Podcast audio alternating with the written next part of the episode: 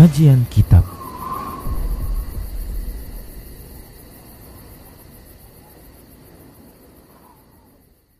Assalamualaikum warahmatullahi wabarakatuh.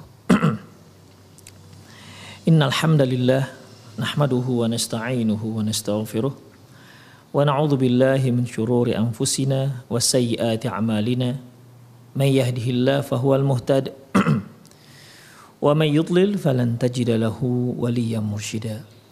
أشهد أن لا إله إلا الله وحده لا شريك له وأشهد أن محمدا عبده ورسوله الذي لا نبي بعده.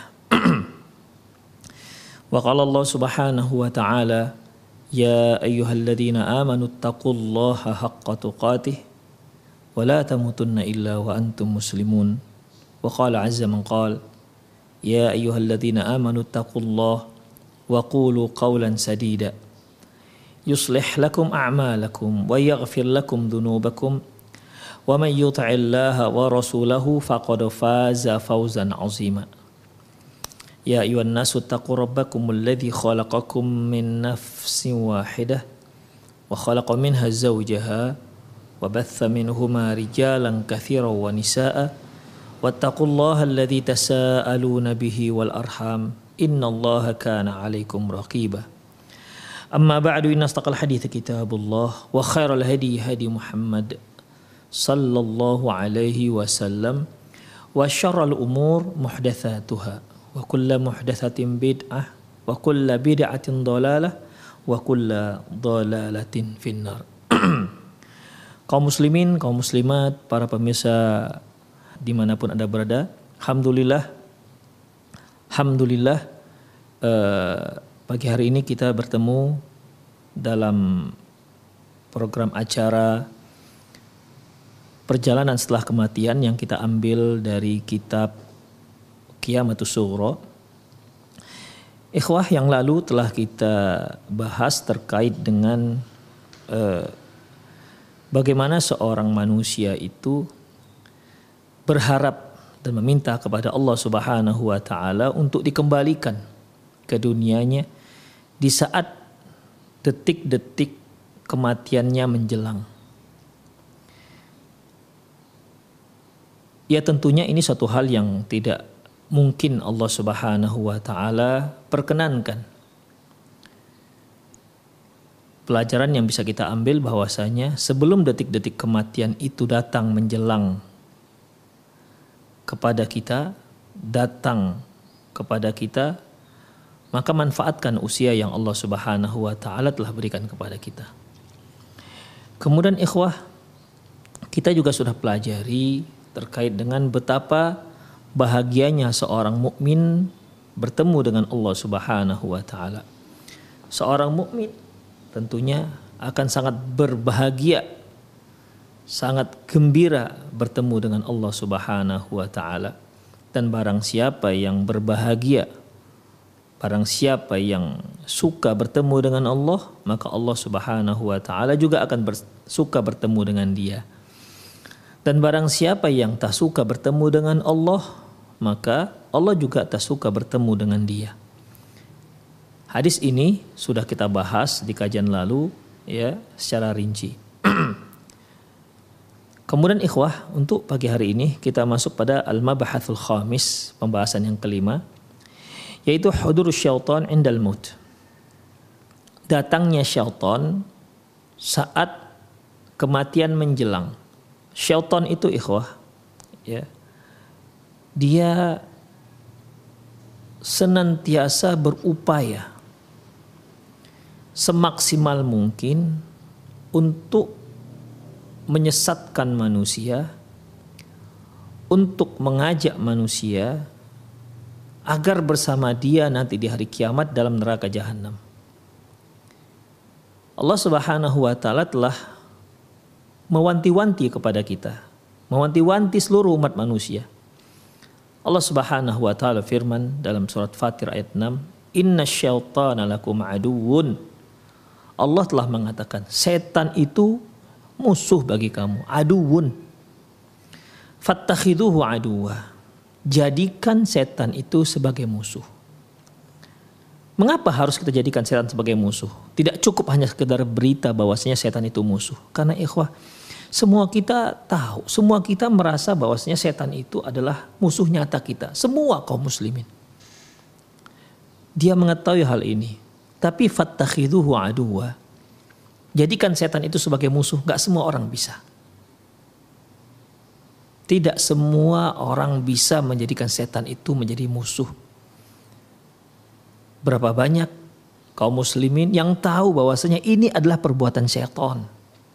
Ini adalah godaan iblis. Tapi ternyata dia tetap memperturutkannya. Walaupun dalam hati kecilnya berbisik, ini perbuatan dosa. Ini bujukan setan. Ini godaan iblis. Hati kecilnya terus berbicara. Tapi dia tidak mampu melawannya. Tahu dia ini adalah perbuatan yang dimurkai oleh Allah. Tapi dia tidak sanggup memendungnya. Memendung perbuatannya sendiri. Allah sudah menyebutkan inna syaitana lakum aduun. Setan itu musuh bagi kalian. Dalam ayat yang lain adu mubina yaitu setan itu adalah musuh kalian yang paling nyata. Kalau kalian punya musuh manusia, kalau kalian punya musuh berupa hewan, maka musuh yang terbesar bagi manusia, tidak ada yang lebih besar daripada itu selain iblis, selain syaitan. Inna syaitan lakum aduun. Sesungguhnya syaitan itu musuh bagi kalian. Fattakhiduhu aduwa. Maka jadikan dia sebagai musuh. Inna yada'u hizbahu liyakunu min ashabis sa'ir. Sungguhnya syaitan itu berupaya mengambil, mengajak, menggoda manusia agar bersama dia dalam neraka sa'ir. Na'udzubillah min dzalik. Ikhwah rahimani Allah wa iyyakum. Oleh karena itu, ya, syaitan itu berupaya dengan sekuat tenaga, dengan se semua potensi dia. Dan ini sudah menjadi sumpah dia, ikhwah. Ya. Ini sudah menjadi sumpahnya syaitan. Di hadapan Allah Subhanahu wa taala. Allah Subhanahu wa taala firman dalam surat Al-A'raf ayat 16 dan 17 firman Allah Subhanahu wa taala Qala maksudnya syaitan berbicara berkata Fabima aghwaitani ya Allah karena engkau telah menetapkan aku sebagai makhluk yang sesat la aq'udanna lahum siratal mustaqim. Aku akan duduk di tengah-tengah jalanmu yang lurus. Untuk apa setan duduk di tengah jalan yang lurus? Ikhwah, setan itu tahu, iblis itu tahu bahwasanya jalan yang lurus ini, jalan yang lurus ini, ujungnya adalah surga. Sementara setan dan iblis ini tidak suka yang namanya manusia masuk surga. Tadi telah kita sebutkan, Inna yad'u hizbahu liyakunu min ashabis sa'ir. Dia itu mengajak, menggoda, merayu agar bersama dia semuanya, kalau bisa semua manusia bersama dia masuk neraka sa'ir. Itu keinginan syaitan. Makanya kalau ada orang yang sedang berada di atas jalan yang lurus, dia nggak akan biarkan. Dia duduk di tengah-tengah untuk apa, ikhwah? Untuk menghalangi, untuk membujuk, merayu, jangan lewat sini, silahkan lewat kiri atau lewat kanan. Demikian ikhwah, dibujuk, dirayu agar dia meninggalkan jalan yang lurus. Dihalang-halanginya la aq'udanna lahum siratal mustaqim. Aku akan duduk di atas jalanmu yang lurus untuk menghalang-halangi setiap manusia yang sedang menempuh jalan yang lurus ini. Makanya ikhwah setiap solat, setiap solat kita selalu berdoa. Ihdinas siratal mustaqim. Ihdinas siratal mustaqim. Ya Allah tunjukkan kami jalan yang lurus. Tunjukkan kami jalan yang lurus. Setelah Allah subhanahu wa ta'ala tunjukkan kita jalan yang lurus. Terkadang belum tentu kita menempuh jalan yang lurus tersebut. Sudah tahu kita jalan yang lurus, tapi kita masih menyimpang.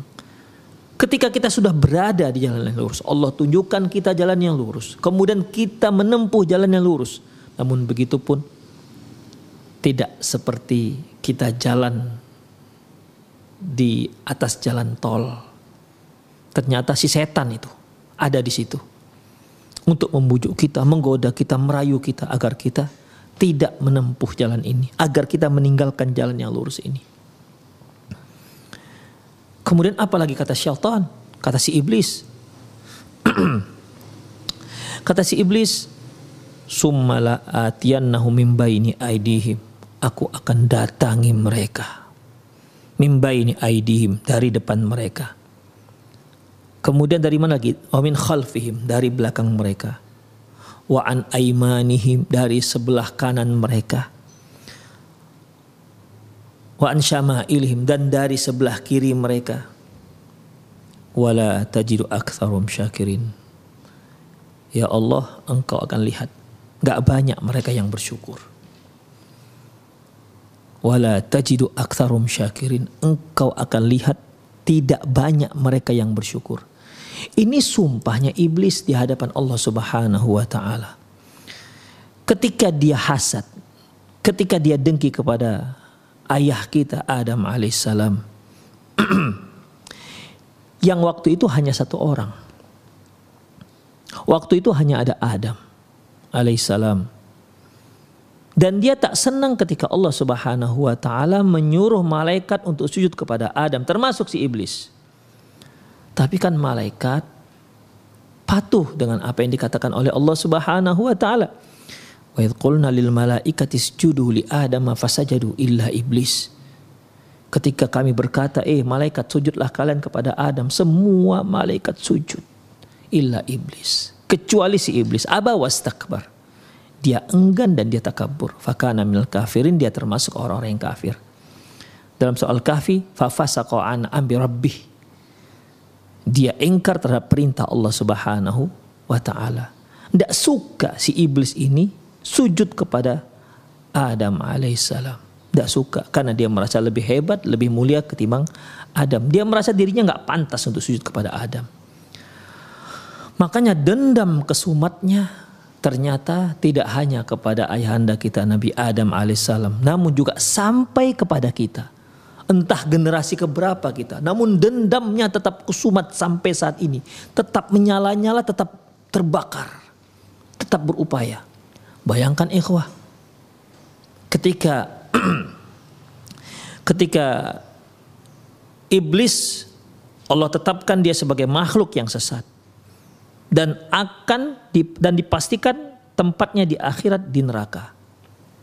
Dia minta satu permintaan. Rabbi anzirni ila yaumi yub'atsun. Ya Allah, tangguhkan usiaku. Tangguhkan usiaku. Kata Allah, oke, okay, diberikan. Innaka minal munzarin. Kamu termasuk orang yang ditangguhkan usianya. Dalam ayat yang lain, ila yaumil waqti ila yaumi yub'atsun sampai hari kiamat. Untuk apa sih iblis ini minta ditangguhkan usianya sampai hari kiamat? Hanya untuk satu saja ikhwah. Apa itu? Ini untuk melampiaskan dendamnya kepada manusia. Untuk apa? Ya tadi itu. Untuk mengajak semua manusia agar masuk ke dalam neraka jahanam. Itu saja. Tidak ada yang lain. Kalau kita manusia minta usia panjang mungkin dikarenakan banyak perusahaan yang masih terbengkalai, banyak apa namanya? belum siap keluarga kita tinggalkan atau mungkin belum bisa kita ibadah dengan cara yang layak kita minta ditangguhkan usia. Tapi kalau iblis enggak untuk itu ikhwah. Hanya untuk satu hal. Apa itu? Innama yad'u hizbahu liyakunu min ashabis sa'ir. Satu permintaan untuk satu tujuan. Hanya itu tujuannya. Menyesatkan umat manusia sebanyak-banyaknya. Demikian ikhwah. Kalau kita lihat wala tajidu aktsarum syakirin. Wala tajidu aktsarum syakirin. Ya Allah engkau akan dapati. Gak banyak di antara mereka yang bersyukur. Wala tajidu aktsaruhum. Aktsaruhum hum ini kan banyak ya syakirin syukur ini juga banyak bentuk jamak ikhwah padahal waktu itu hanya ada Nabi Adam alaihissalam tapi dia yakin sekali ikhwah yakin sekali seyakin yakinnya bahwasanya anak-anak Adam ini mampu dia sesatkan sebanyak-banyaknya yakin upayanya yang luar biasa ikhwah upayanya untuk menyesatkan umat manusia jadi kalau kita lihat dari berita yang Allah Subhanahu wa taala sampaikan kepada kita itu luar biasa upayanya iblis untuk menyesatkan kita. Luar biasa.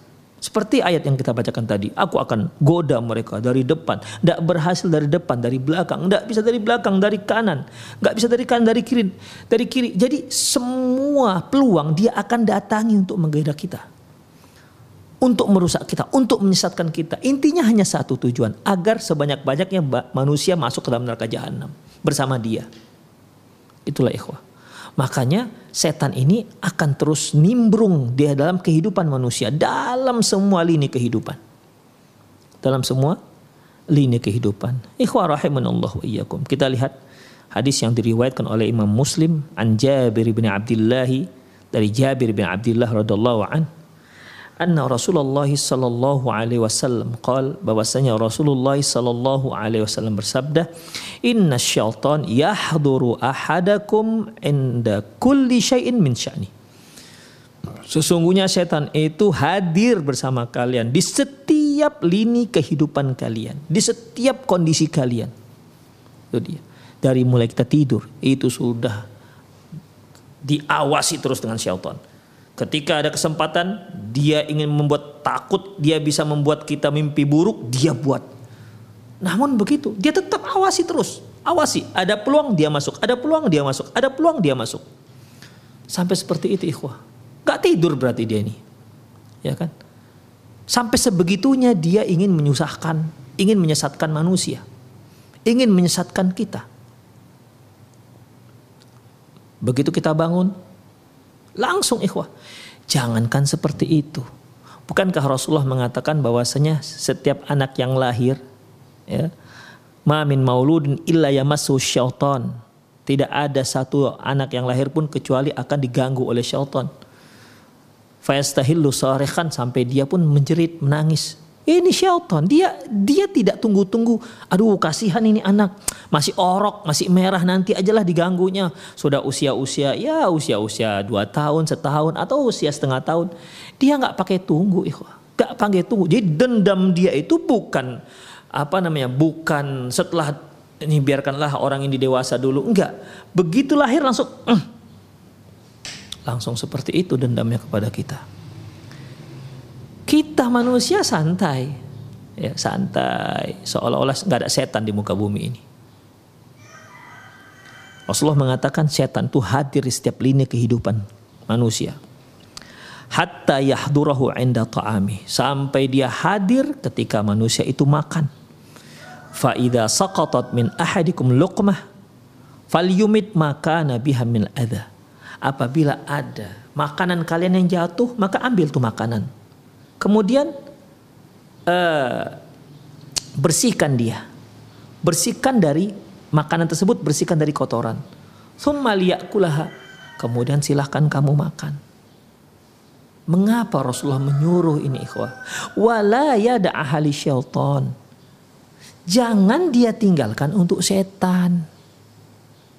Makanya kita kalau makan ikhwah, perhatikan makanan kita.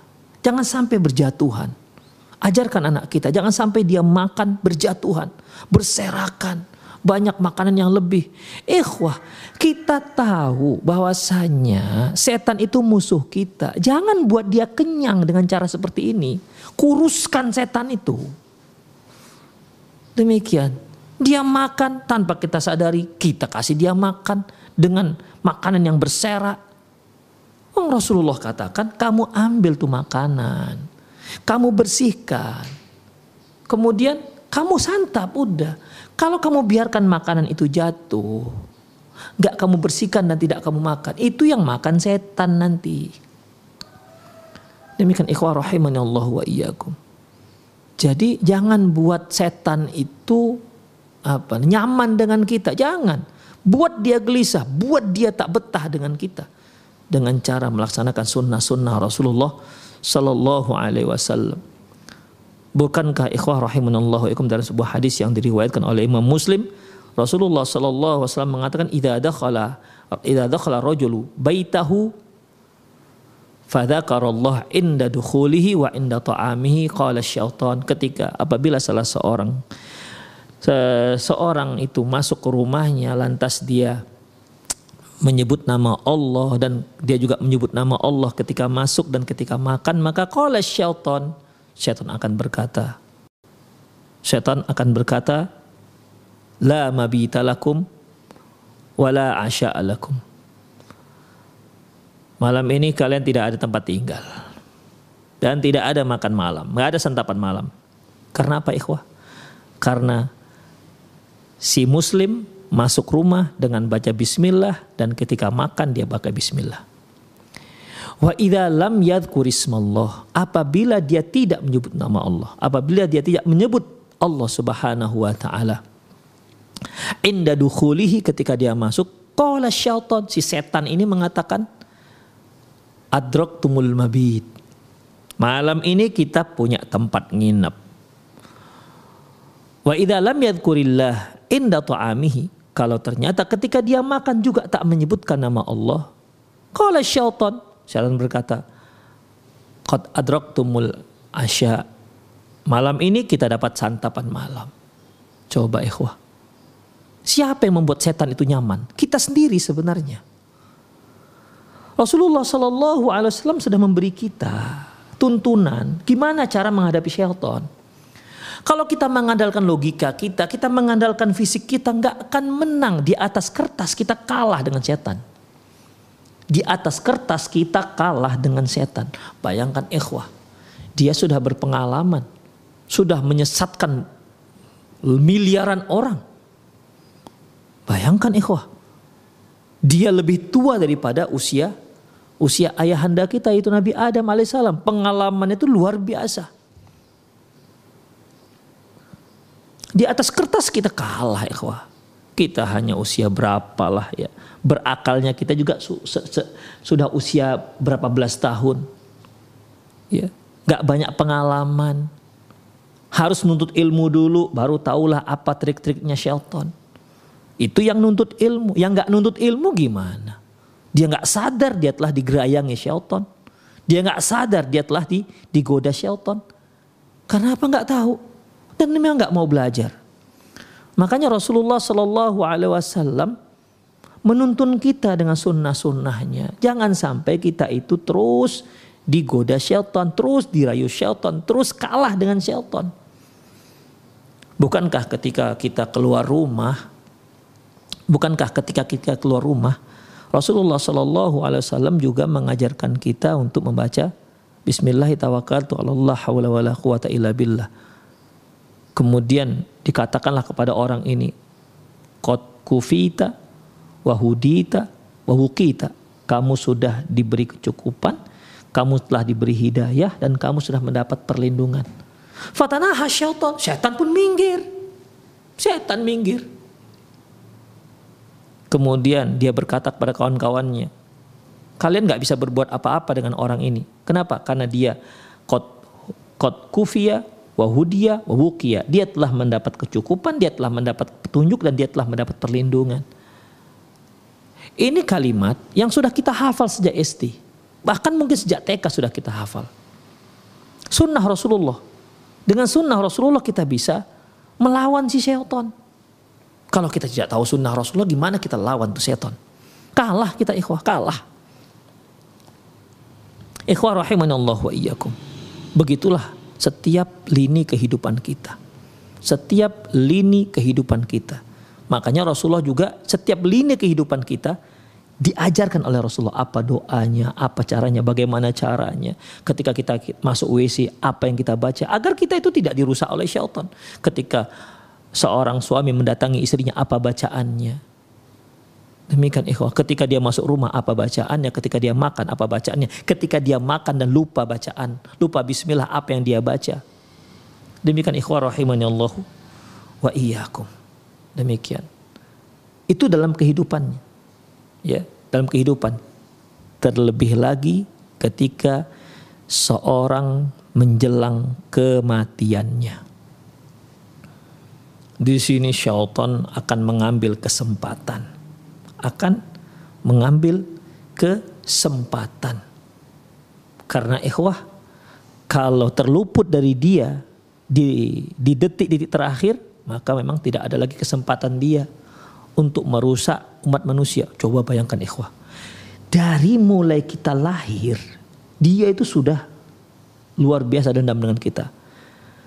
Sepanjang kehidupan kita 24 jam dia terus memperhatikan kita. Setiap ada peluang dia masuk, dia masuk. Bahkan ketika kita ibadah juga dia masuk. Bayangkan ikhwah. Kita ibadah saja kita dia masuk. Gimana ketika kita nggak ibadah? Makanya ketika kita ibadah seperti baca Quran, kita doa kepada Allah. A'udzubillahi. Aku berlindung kepada Allah dari syaitan yang terkutuk. Supaya bacaan Quran kita itu tidak kacau. Demikian ikhwah. Ketika kita sholat, mulai yang lupa lah, yang inilah, yang itu, itu masuk. Itu di saat-saat kita ibadah. Konon lagi di saat kita tidak ibadah. Itu bagaimana nasib kita menghadapi si syaitan la'anatullah ini. Gak karu-karuan lagi kita kekalahan kita. Kita menguap, Rasulullah mengatakan, "Idza tatha'aba ahadukum falyaqdhim mastata'."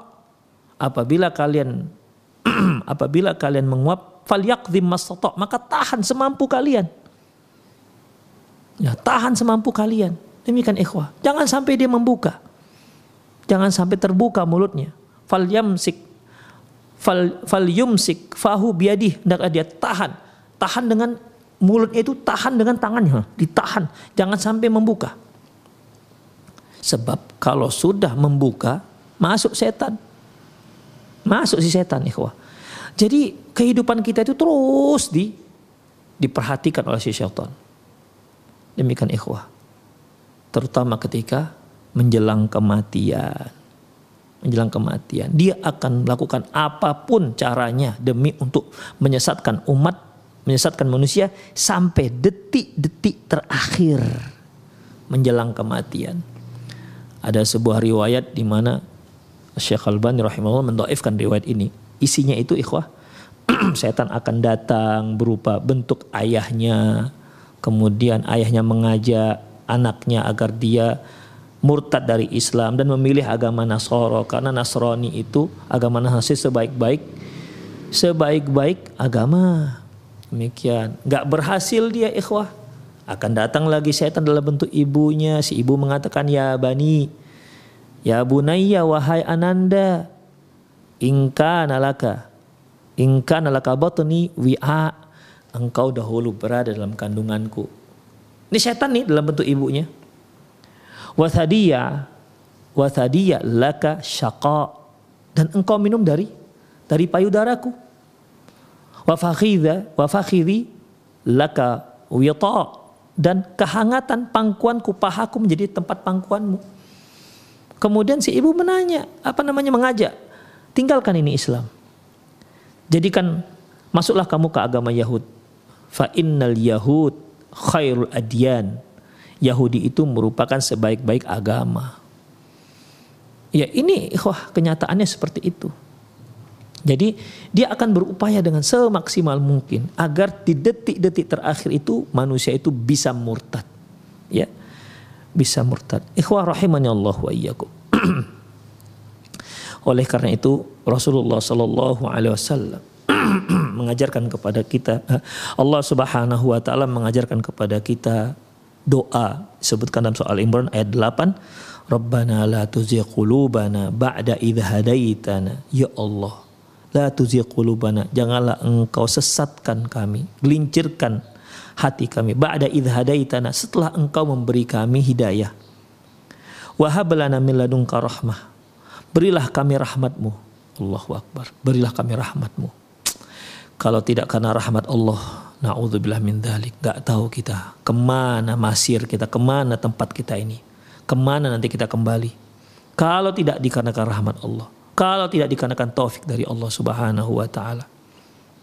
Wahab lana min ladunka rahmah. Ya Allah, berilah kami rahmatmu. Innaka antal wahab. Sungguhnya engkau maha pemberi. Itu doa kita ikhwah. Mohon kepada Allah subhanahu wa ta'ala. Mohon kepada Allah subhanahu wa ta'ala agar senantiasa Allah memberi kita perlindungan,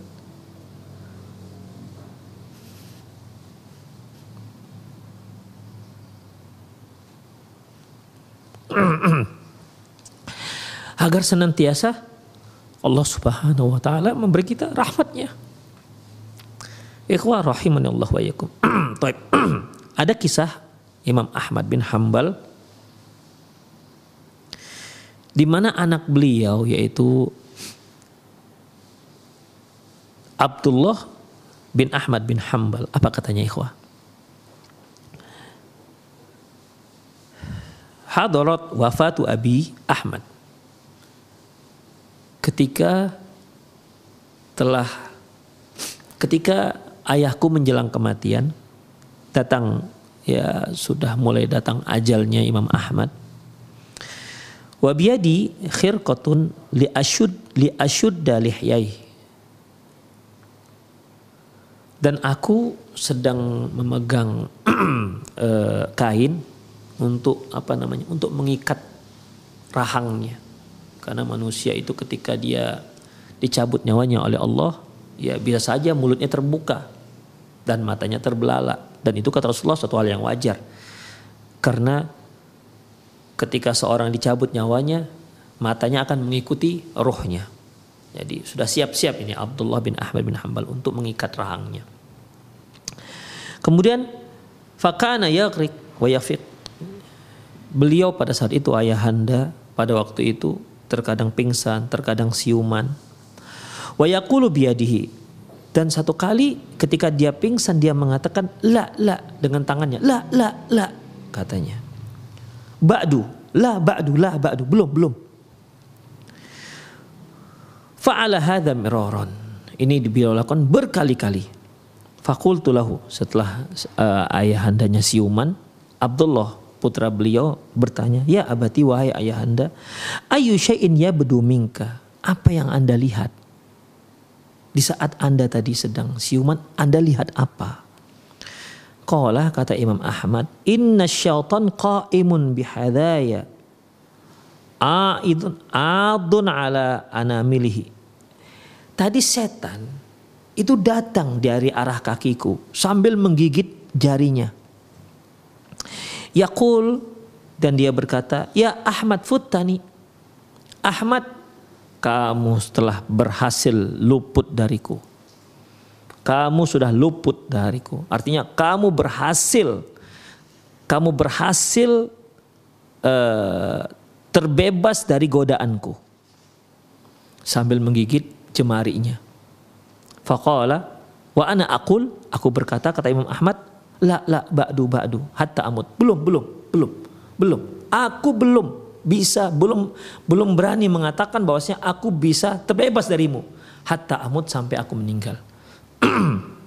Itu Imam Ahmad ikhwah. Imam Ahmad sekali berimam Ahmad beliau masih merasa belum belum bisa terbebas dari godaan syaitan sampai dia wafat. Padahal setan sudah mengakui dia, tapi dia masih tetap khawatir. Jangan-jangan di detik-detik terakhir kematiannya ternyata si setan berhasil. Itu ikhwah. Bagaimana dengan kita? yang kita terkadang kalau ditanya usia ingin usia seribu tahun lagi ingin usia panjang kemudian di usia yang panjang itu kita sia-siakan usia kita bagaimana kita nanti bertemu dengan Allah Subhanahu wa taala Imam Ahmad dia kalau bahasa kita nggak pede ya Gak pede dia ketika mau ketika setan mengatakan kamu telah terlepas terbebas dariku. Kata kata Imam Ahmad enggak belum. Ya bisa saja ini merupakan trik setan untuk untuk menyesatkan Imam Ahmad di detik-detik terakhir kehidupannya. Itu di detik-detik terakhir. Bagaimana dengan kita? Yang mungkin usia kita masih ada sebulan lagi, masih ada tiga tahun lagi, masih ada sepuluh tahun lagi. Itu sepuluh tahun. Allahu Akbar itu kalau kalau sepuluh tahun itu digunakan si syaitan. Ternyata kita pun mengikuti caranya syaitan, mengikuti bisikan syaitan, mengikuti godaan syaitan. Allahu Akbar. La haula wala quwata illa billah. Enggak tahu lagi kita di mana posisi kita nanti di hari akhirat. Ikhwah rahimanallahu wa iyyakum. Berkata Imam Qurtubi, Sami'tu syekhana Al-Imam Abul Abbas Abul Abbas Ahmad bin Umar.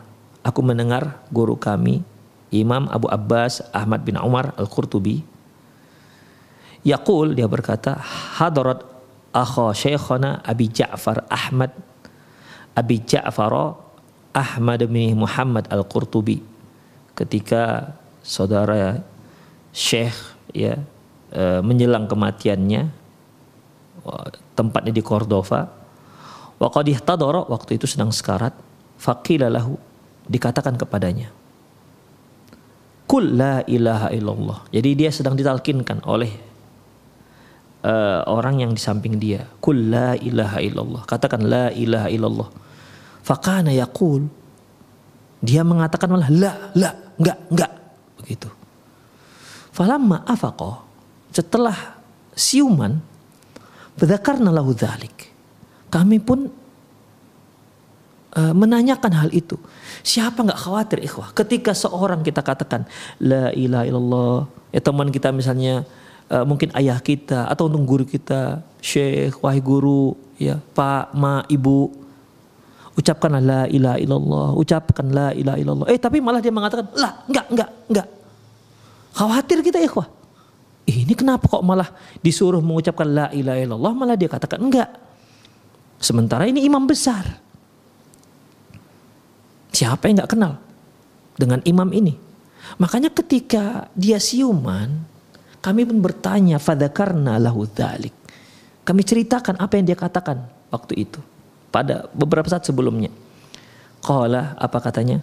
Atani syaitan an yamini wa an shimali. Tadi barusan aku didatangi oleh syaitan.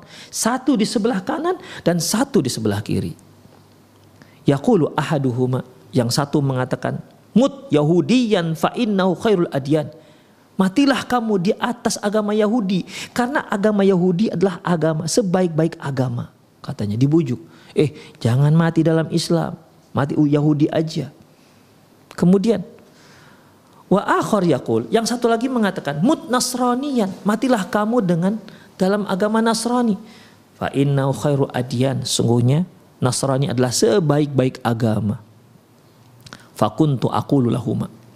Dan aku berkata kepada mereka berdua, lah, enggak, enggak, enggak.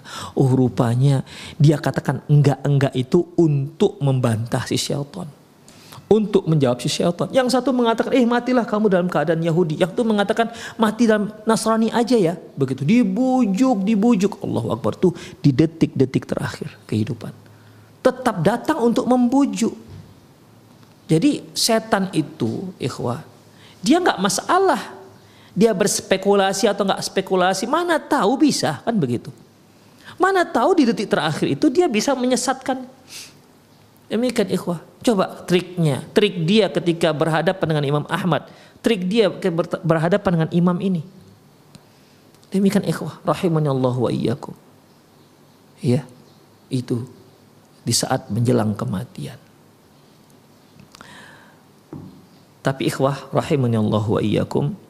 Hanya saja Syekhul Islam Ibnu Taimiyah mengatakan bahwa uh, ini tidak semua orang.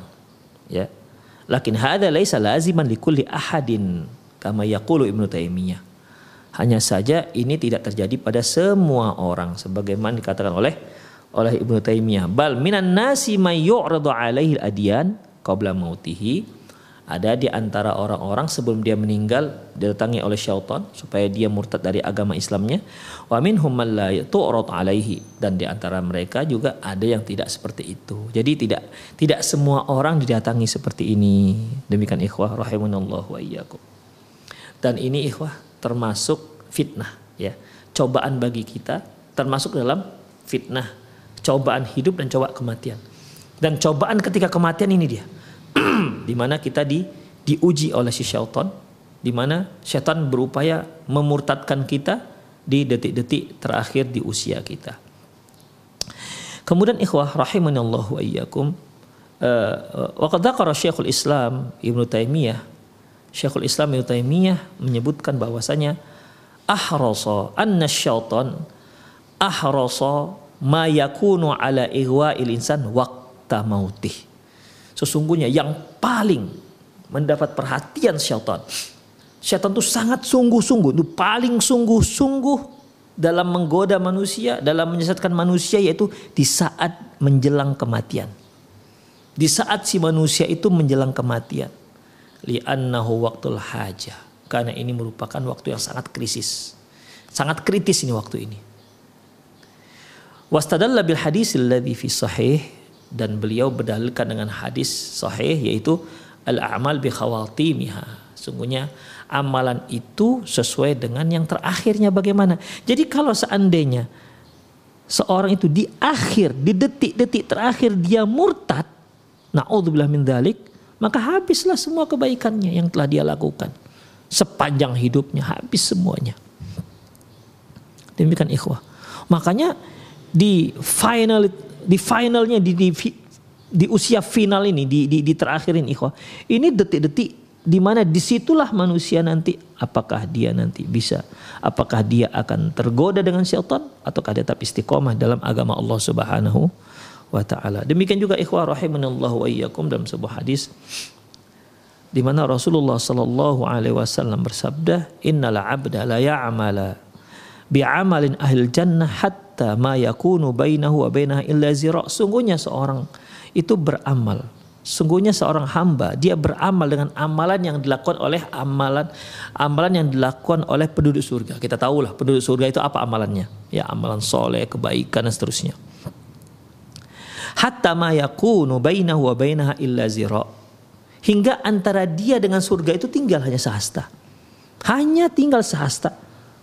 Kemudian kalau sehasta ini dia pertahankan, dia isi usianya dengan amalan-amalan penduduk surga, maka masuk surgalah dia. Tapi sayangnya, fayasbiqu alaihi kitab fayamalu bi amali ahli ahli nar fayadkhuluha. Tapi ternyata sehasta ini dia gunakan usianya yang tinggal sehasta ini dia gunakan dengan amalan penduduk neraka. Akhirnya dia masuk neraka, nggak jadi masuk surga. Wa innala abda la ya'malu bi amali ahli nar. Sungguh seorang itu beramal dengan amalan penduduk neraka. Kita tahu apa amalan penduduk neraka?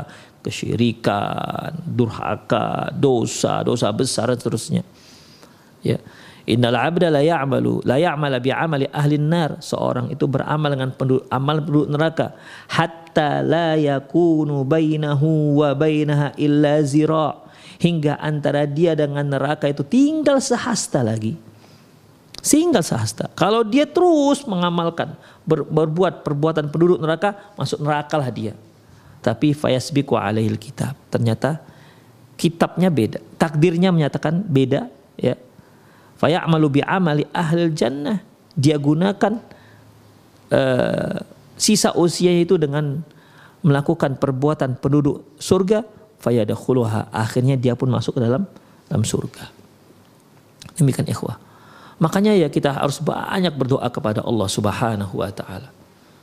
Rabbana la tuzigh qulubana ba'da idh hadaitana wa hab lana min ladunka rahmah innaka antal wahhab. Perbanyak banyak berdoa kepada Allah Subhanahu wa taala. Karena qulubul ibad baina asabi'ir rahman yuqallibuha kaifa yasha. Hati para hamba itu berada di antara jemari Allah Subhanahu wa taala Allah membolak-balikkannya sekehendaknya ikhwah. Mohon kepada si pemilik hati jangan sampai kita di akhir hidup kita malah murtad. Jangan sampai kita di akhir hidup kita malah kita digoda oleh syaitan sehingga menjauhkan kita dari Allah Subhanahu wa taala dan akibatnya menjauhkan kita dari surganya Allah Subhanahu wa taala. Dalam riwayat yang lain ikhwah, Rasulullah sallallahu alaihi wasallam bersabda, "In anna syaitan asyaddu ma yakunu 'ala bani Adam hin hina maut." Sesungguhnya setan itu lebih sungguh-sungguh lagi terhadap ibnu Adam, terhadap anak Adam, lebih sungguh-sungguh lagi dalam menyesatkannya yaitu ketika ketika anak Adam itu menjelang kematian. Yaqulu a'wanihim. Dia berkata kepada tentara-tentaranya, apa katanya? Dunakum hadza fa innahu in fatakum lan tadhfaru bihi abada. Kalian upayakan ini sekarang. Upayakan semaksimal mungkin. Kalau ternyata ini terlewati, maka kalian tak punya kesempatan lain selamanya. Inilah kesempatan terakhir kalian menyesatkan dia. Demikianlah ikhwah perjuangan kita sebagai manusia dalam melawan setan. Ya, berat-berat memang. Ya, kita mohon kepada Allah Subhanahu wa taala. Dalam hadis yang lain ikhwah rahimanallah wa iyyakum, Rasulullah sallallahu alaihi wasallam berdoa Allahumma inni a'udzubika minal hadam. Ya Allah, Aku mohon perlindunganmu dari hadam, yaitu mati karena ketimpa benda berat. Wa a'udzubika minat taraddi. Aku juga berlindung kepadamu dari kematian jatuh dari tempat yang tinggi. Wa. Aku juga berlindung kepadamu mati dengan dikarenakan tenggelam wal haraq dan mati dikarenakan terbakar wal haram mati dalam keadaan pikun wa maut dan aku berlindung kepada engkau ya Allah Jangan sampai aku digoda syaitan ya ketika kematian menjelang. Wa a'udzubika an amuta fi fi sabilika mudbiran dan aku berlindung kepadamu uh, aku berlindung kepadamu yaitu ketika jihad aku termasuk mati dalam keadaan orang yang orang yang lari dari peperangan wa a'udzubika an amuta ladiran dan aku berlindung kepadamu meninggal karena disengat binatang yang berbisa.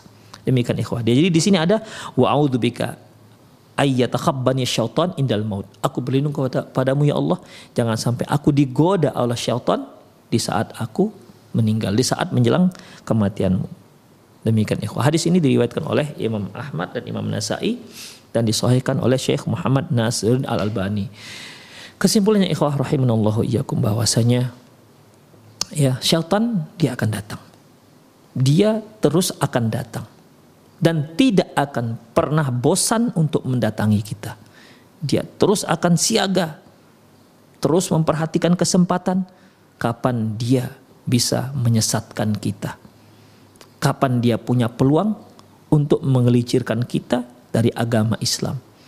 Kapan dia punya peluang untuk menyeret kita agar bersama dia dalam neraka sair, neraka jahanam. Kita mohon perlindungan pada Allah Subhanahu wa taala, mohon kekuatan agar kita bisa melawan syaitan, agar kita diberi petunjuk, diberi taufik dan hidayah agar bisa bertahan di atas kebenaran. Demikian para pemirsa roja di mana pun anda berada, semoga sedikit yang saya sampaikan bermanfaat. Aku luka hadza wa astaghfirullah li wa lakum wa muslimin innahu wal rahim. Uh, kepada pemirsa yang ingin bertanya silahkan. Barakallahu fik. Mengenai mati mendadak ikhwah, kita sedikit ke belakang kajian kita bahwasanya uh, mengenai ajal kita itu sudah ditentukan oleh Allah Subhanahu wa taala. Ya. Sudah ditentukan oleh Allah Subhanahu wa taala. Menjelang kematian bisa saja dengan dimukadimahi didahului dengan sakit dan bisa saja didahului dengan dengan tiba-tiba seperti tiba-tiba gagal jantung misalnya ya tiba-tiba dia meninggal namun apakah mungkin apakah ada kemungkinan mati mendadak itu dikarenakan ulah syaitan? Ya, apakah ada kemungkinan mati mendadak itu dikarenakan ulah syaitan? Allah alam bisawab. Ikhwah, kalau tentang matinya siapa pun tidak bisa ikut campur di situ. Ya. Siapa pun tidak bisa ikut campur di situ tentang tentang matinya. Tapi terkadang mati itu ada sebab ikhwah. Seperti seorang yang mati bunuh diri. Ya, mati bunuh diri. Tentang kematiannya itu sudah ditentukan oleh Allah Subhanahu wa taala. Tapi terkadang orang tuh dia yang menyebabkan dirinya mati. Ya, dia menyebabkan dirinya mati. Oleh karena itu kematian seorang bisa saja dengan berbagai macam sebab. Ya. Bisa saja dikarenakan syaitan. Tapi itu sudah ditakdirkan oleh Allah Subhanahu wa taala. Mungkin dikarenakan dia pengabdi syaitan mungkin atau dia seorang yang main sihir misalnya atau mungkin ada orang yang mengirimkan uh, setan atau jin untuk menyantet dia sehingga dia mati mendadak bisa itu terjadi ikhwah. Itu penyebab ya, penyebab. Tapi kalau seandainya memang dia belum ajal, apa pun penyebabnya nggak akan membuat dia mati.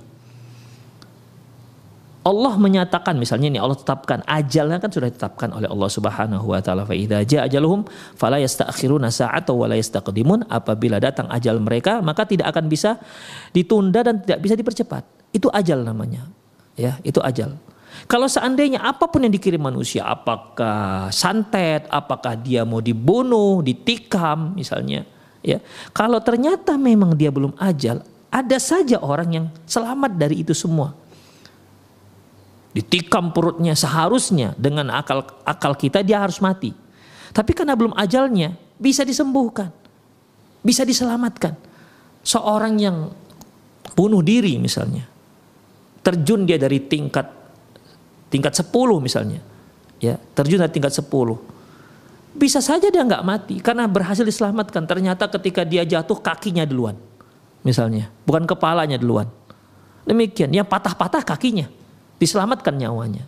Demikian, karena belum ajalnya. Jadi kalau masalah ajalnya, masalah ajal itu tidak bisa siapa pun ikut campur. Kalau Allah Subhanahu wa taala sudah tetapkan ajal, meninggallah dia. Kalau belum ajalnya belum belum akan meninggal. Hanya saja penyebabnya itu bisa. Ya, bisa. Bisa dikarenakan dia bunuh diri sendiri, bisa juga dikarenakan oleh syaitan. Namun perlu kita ketahui ikhwah, ya. Syaitan itu nggak akan bisa melakukan apa pun kecuali gara-gara kita yang lemah.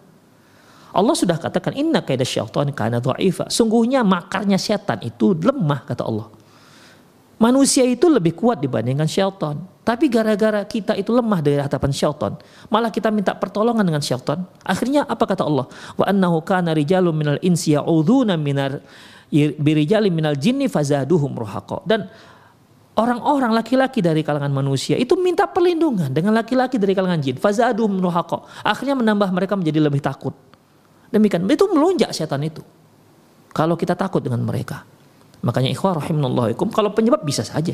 Ya Penyebab itu bisa saja. Bisa dikarenakan setan, bisa dikarenakan iblis, bisa dikarenakan santet, bisa dikarenakan bahkan mungkin hanya sekedar terkena kerikil kecil itu bisa penyebab dia meninggal. Demikian. Semoga bisa dipahami. Kalau penyebab itu bisa saja. Tapi kalau ajal, ya ajal. Kalau sudah, kalau Allah belum tentukan ajalnya, apa pun ceritanya, mau dibom pun dia, kalau dia belum ajal, belum meninggal. Itu dia. Tapi kalau sudah, kalau sudah ajalnya, sekecil apa pun sebabnya bisa membuat seorang itu meninggal dunia. Jadi kesimpulannya ikhwah, bisa saja, bisa jadi setan ikut andil dalam membuat seorang itu meninggal. Tapi sebenarnya ya sebenarnya yang lebih dia pentingkan itu apa ikhwah? Kalau bisa sebelum dia mati dia sesat dari jalan Allah Subhanahu wa taala. Ya dia sesat dari jalan Allah Subhanahu wa taala kalau kita baca kitab Al-Musyaitan wal Jin ya Al-Musyaitan wal Jin di situ disebutkan bahwasanya itu syaitan itu berupaya bukan hanya untuk merusak kita setan itu berupaya untuk merusak diri kita. Ya, begitu lahir sudah dia rusak. Kemudian dia juga berupaya untuk merusak harta kita. Ya. Makanya Rasulullah menyuruh kita agar tidak agar mematikan lampu-lampu agar setan nanti nggak menyuruh tikus untuk membakar rumah kita dan banyak hal ya ingin membahayakan kita. Pokoknya dendamnya luar biasa ikhwah. Jadi Allahu alam bisawab ya kalau sebagai penyebab itu bisa saja. Allahu alam bisawab. Nah. Taib ikhwah azani Allah wa iyyakum barakallahu fik. Pertama seperti yang telah kita singgung tadi, kita banyak berdoa. Rabbana la tuzigh qulubana ba'da idh hadaitana wa hab lana min ladunka rahmah innaka antal wahhab. Yang kedua, doa Rasulullah sallallahu alaihi wasallam tadi. Allahumma inni a'udzubika minal hadami wa a'udzubika minal gharaqi wal haraqi wal harami wa bika min ayyatakhad ayat bika ayyatakabbani syaitan indal maut. Ini doa yang diajarkan Rasulullah Shallallahu Alaihi Wasallam ya agar kita terbebas dari gangguan setan ketika kita akan meninggal dunia. Itu doanya. Yang kedua ikhwah yaitu ya kita harus banyak menuntut ilmu karena ini semua kan nggak kita dapati kecuali dari ilmu, dari berita Rasulullah Sallallahu Alaihi Wasallam. Setiap fitnah, cobaan yang mendatangi kita, ikhwah, itu tidak bisa kita hadapi kecuali dengan ilmu. Baik fitnah, ujian hidup maupun hujan mati, ujian kematian, bahkan ujian ketika menghadapi dajjal. Mungkin para pemirsa ingat ketika dajjal dan tentaranya menawan seorang laki-laki nanti, ya kemudian dia disuruh untuk me, uh, percaya dengan Dajjal bahwa saya dia adalah Tuhan, laki-laki ini nggak percaya. kemudian Dajjal memotong dua laki-laki ini, kemudian dia pun berjalan di tengah-tengahnya, kemudian disambungkan lagi, lantas dihidupkan lagi laki-laki ini, kemudian Dajjal pun kembali bertanya, gimana kamu masih nggak percaya saya sebagai Tuhan? Apa kata laki-laki ini? Demi Allah sekarang aku lebih yakin, semakin yakin ente adalah Dajjal sebagaimana yang Rasulullah sebutkan dalam hadis. Jadi ikhwah, fitnah-fitnah ya dalam menghadapi fitnah, fitnah apa pun dia, kita harus bekali diri kita dengan ilmu. Ya. Kita harus bekali diri kita dengan ilmu seperti doa tadi. Ini kalau kita nggak belajar dari mana kita tahu?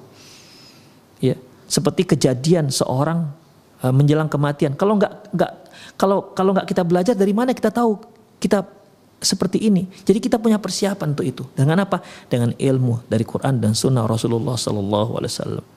Doa yang kita ucapkan tadi itu juga itu kan dari Sunnah Rasulullah Wasallam. Kalau nggak kita belajar dari mana kita tahu doa ini?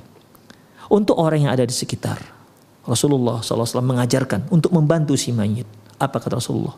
Lakinu mautakum bila ilaha illallah. Talkinkan mayat kalian dengan kalimat la ilaha illallah. Fa innahu man kana fi akhir kalami la ilaha illallah dakhala jannah. Karena sesungguhnya barang siapa yang di akhir ucapannya la ilaha illallah maka dia masuk surga. Dan ini paling gak disukai oleh syaitan ya paling nggak disukai oleh syaitan. Makanya kita yang hadir kita talkinkan. Talkinkan di sini bukan hanya sekedar memperdengarkan la ilaha illallah, bukan begitu, tapi kita minta kepada si mayit, si yang sedang sekarat, Pak, Bu ucapkan la ilaha illallah. Berharap kita ikhwah, semoga di akhir ucapannya adalah la ilaha illallah. Betapa besarnya pahala kita ikhwah. Betapa besarnya ketika ternyata yang kita talkinkan di akhir ucapannya dia ucapkan la ilaha illallah. Insya Allah luar biasa. Itu pertolongannya luar biasa. Itu lebih lebih berharga ketimbang miliaran yang kita berikan.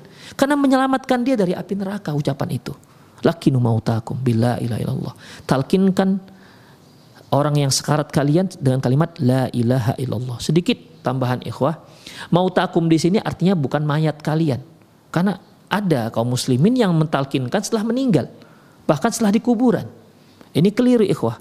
Kalimat lakinu mautakum bila ilaha illallah. Talkinkan mayat kalian dengan la ilaha illallah. Ini bukan mayat yang sudah dicabut nyawanya. Tapi yang menjelang kematian. Karena di akhir hadis menyebutkan fa innahu man kana fi akhir kalami la ilaha illallah dakhal jannah. Karena orang yang yang di akhir ucapan la ilaha illallah maka dia masuk ke dalam surga. Demikian. Jadi yang dimaksud di sini ini bukan orang yang sudah meninggal. Karena kalau sudah meninggal dia nggak bisa mengucapkan la ilaha illallah lagi. Jadi ini di saat-saat dia uh, akan dicabut nyawanya di detik-detik terakhir usianya, kita tuntun dia, kita minta dia, kita mohon, kita kita harap dari dia agar dia mengucapkan kalimat la ilaha illallah. Itulah kewajiban kita membantu untuk teman kita kaum muslimin di detik-detik usia terakhirnya. Demikian semoga sedikit yang tadi kita sampaikan uh, menambah wawasan kita, menambah keimanan kita ya sebagai ibrah bagi kita agar kita bisa mempersiapkan diri kita menjelang kematian dan kematian tersebut kita tidak tahu tak kapan datangnya. Kita tidak tahu apakah sebentar lagi ataukah berapa jam lagi. Tapi persiapkanlah bahwasanya kematian itu tetap akan datang. Demikian lebih lebih dan kurang mohon maaf aku luka wali hada wastaghfirullah li wa lakum muslimin innahu huwal ghafur rahim assalamualaikum warahmatullahi wabarakatuh